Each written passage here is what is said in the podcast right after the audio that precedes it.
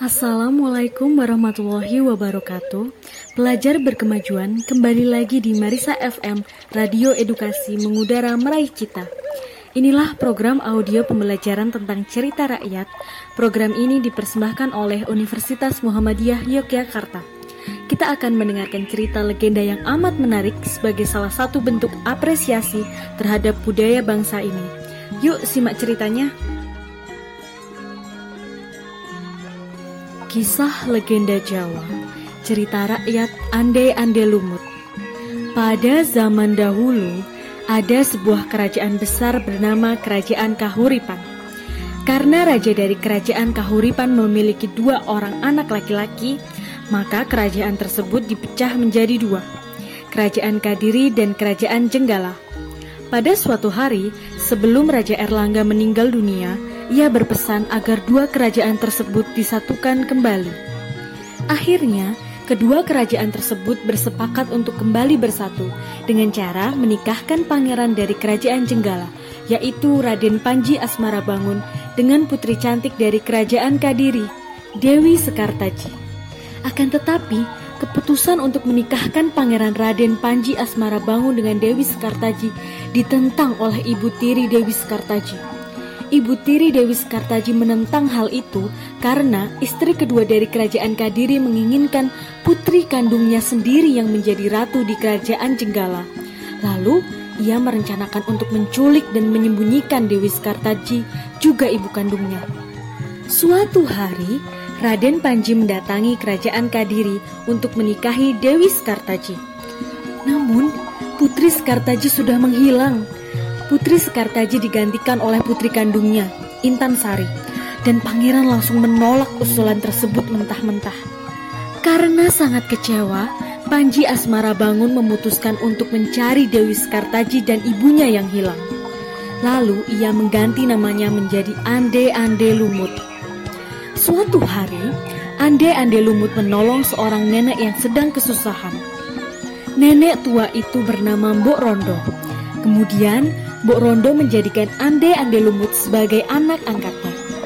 Suatu ketika, Ande Ande Lumut meminta ibu angkatnya untuk mengumumkan bahwa ia akan mencari calon istri. Banyak sekali gadis-gadis di desa Dadapan, tempat ia tinggal, yang berebut mendaftar untuk menjadi istrinya. Tapi, tidak seorang pun yang ia terima untuk menjadi istrinya.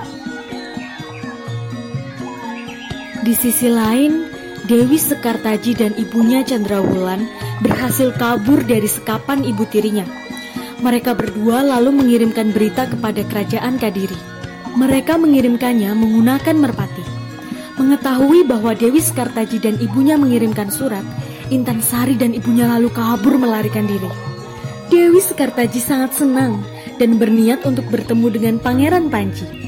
Sayangnya, ia kecewa karena mendapati Pangeran Panji sudah pergi berkelana.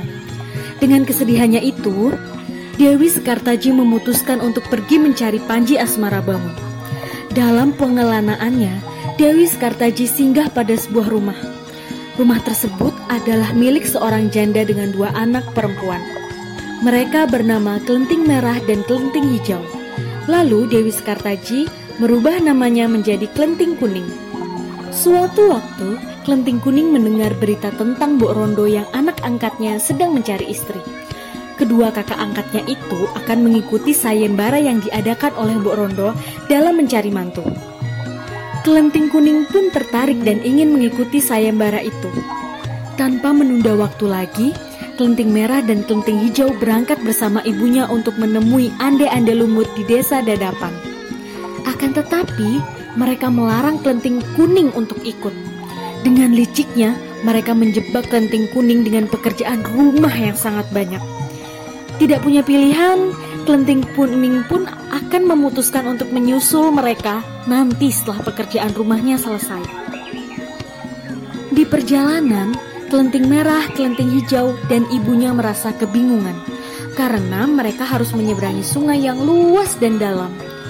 Di tengah-tengah kebingungan mereka, muncul seekor kepiting raksasa. Rupanya, ia adalah penunggu sungai tersebut. Sebutlah ia Yuyu Kangkang.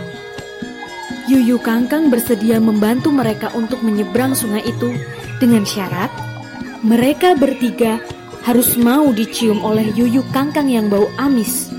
Kelenting merah, kelenting hijau, dan ibunya yang akhirnya mengiyakan persyaratan yang diajukan oleh Yuyu Kangkang karena mereka pikir tidak ada pilihan lain.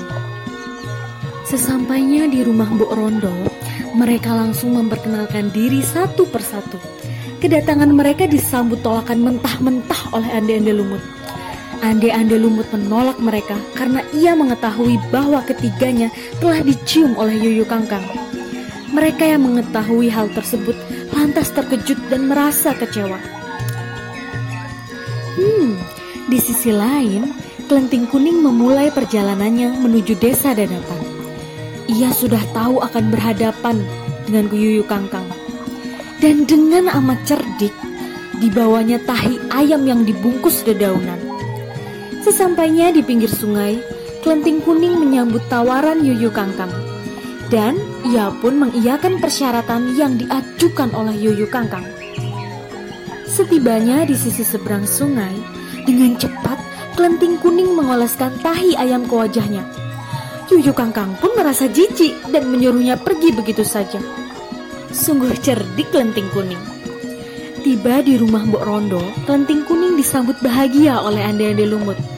Mbok Rondo keheranan mengapa putra angkatnya ini langsung menerima gadis yang bau dan kumal, padahal gadis-gadis lain yang datang lebih cantik dan anggun.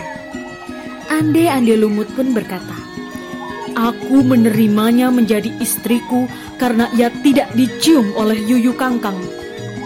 Gadis ini suci dan aku ingin meminangnya. Hal itu membuat kelenting kuning tersanjung. Ia amat bahagia dan terharu. Dan satu hal lain yang membuat kelenting kuning terkejut adalah Andi-andi lumut ternyata tunangannya, Panji Asmara Bangun yang sedang menyamar. Betapa bahagia mereka berdua kembali dipersatukan. Sejak saat itu, mereka hidup bahagia. Kerajaan Kadiri dan Jenggala pun kembali bersatu. Ya, demikianlah kisah dari Ande-Ande Lumut. Hal yang dapat kita petik adalah jadilah orang yang jujur, maka akan kebaikan dan keberkahan akan berpihak pada kita. Dan jangan sekali-kali berniat jahat pada orang lain. Sekian episode cerita rakyat kali ini. Sampai jumpa pada cerita rakyat selanjutnya. Marisa FM mengudara meraih cita.